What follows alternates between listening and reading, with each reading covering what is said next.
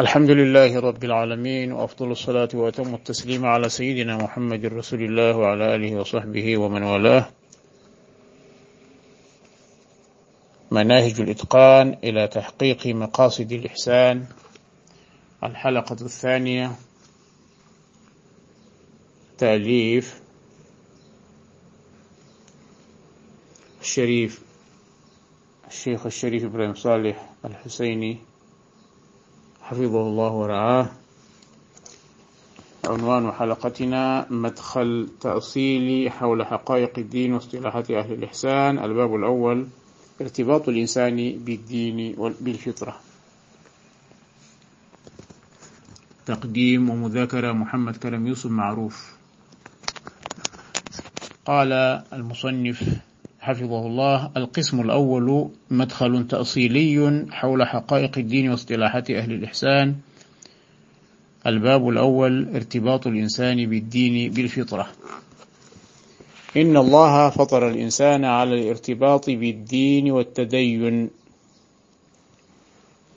ويكون تدين حق في المرحلة الأولى. ثم يتحول إلى ما شاء له الحق في المراحل التالية بتأثير الوالدين أو البيئة التي ينشأ فيها. ففي الحديث كل مولود يولد على الفطرة حتى يعرب عنه لسانه فأبواه يهودانه أو ينصرانه أو يمجسانه. الحديث. لأن هذا في المرحلة الأولى. الإنسان عندما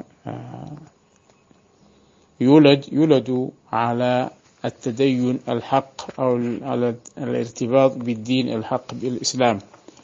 بعد ذلك حسب مشيئة الله تبارك وتعالى يتحول إما أن يكون ثابتا على هذا الدين دين الإسلام أو يتحول إلى الديانات الأخرى النصرانية أو اليهودية. أو المجوسية حسب تنشئة والديه أو حسب البيئة التي ينشأ فيها. وقال تعالى صبغة الله ومن أحسن من الله صبغة ونحن له عابدون. وقال تعالى فأقم وجه وجهك للدين حنيفا فطرة الله التي فطر الناس عليها. لا تبديل لخلق الله. ذلك الدين القيم ولكن أكثر الناس لا يعلمون. منيبين إليه واتقوه وأقيموا الصلاة ولا تكونوا من المشركين. من الذين فرقوا دينهم وكانوا شيعا. كل حزب بما لديهم فرحون. سورة الروم.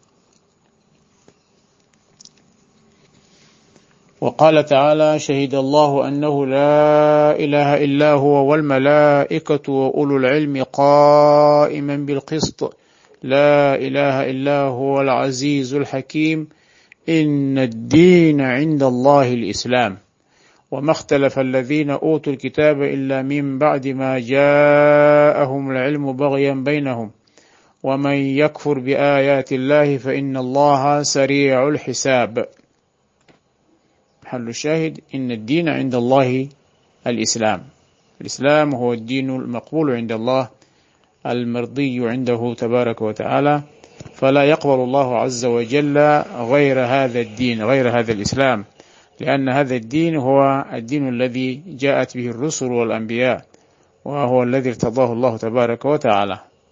وفي آية أخرى ومن يبتغي غير الإسلام دينا فلن يقبل منه وهو في الآخرة من الخاسرين. نعم.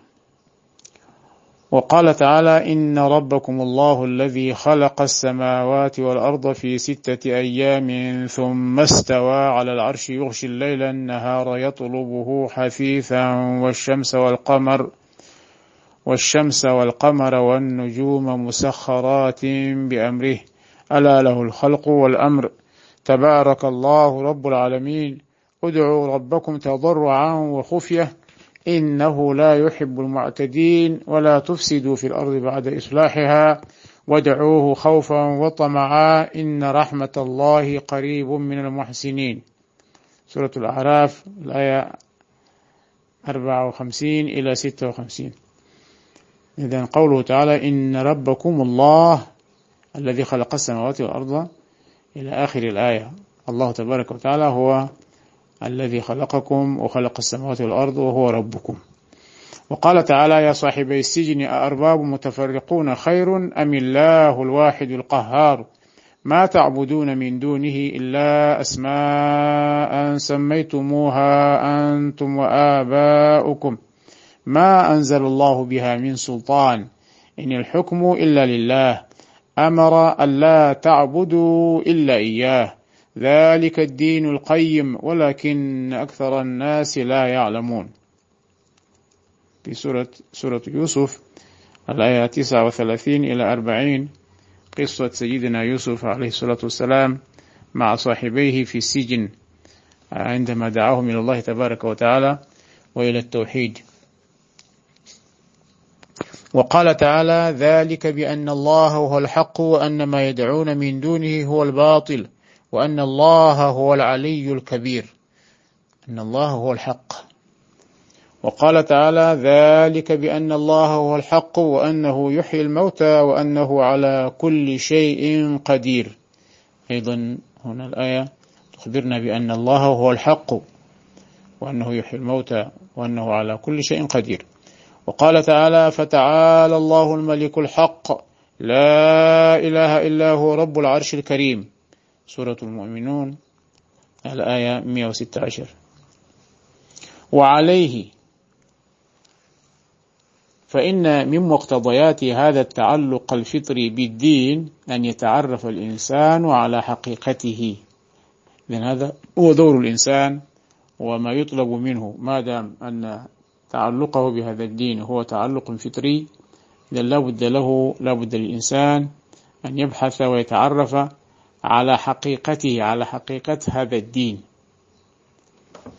وحقائق المراتب والمقامات المتعلقة به. كذلك عليه أن, أن يتعرف على حقائق المراتب لأن للدين مراتب وكما يأتي.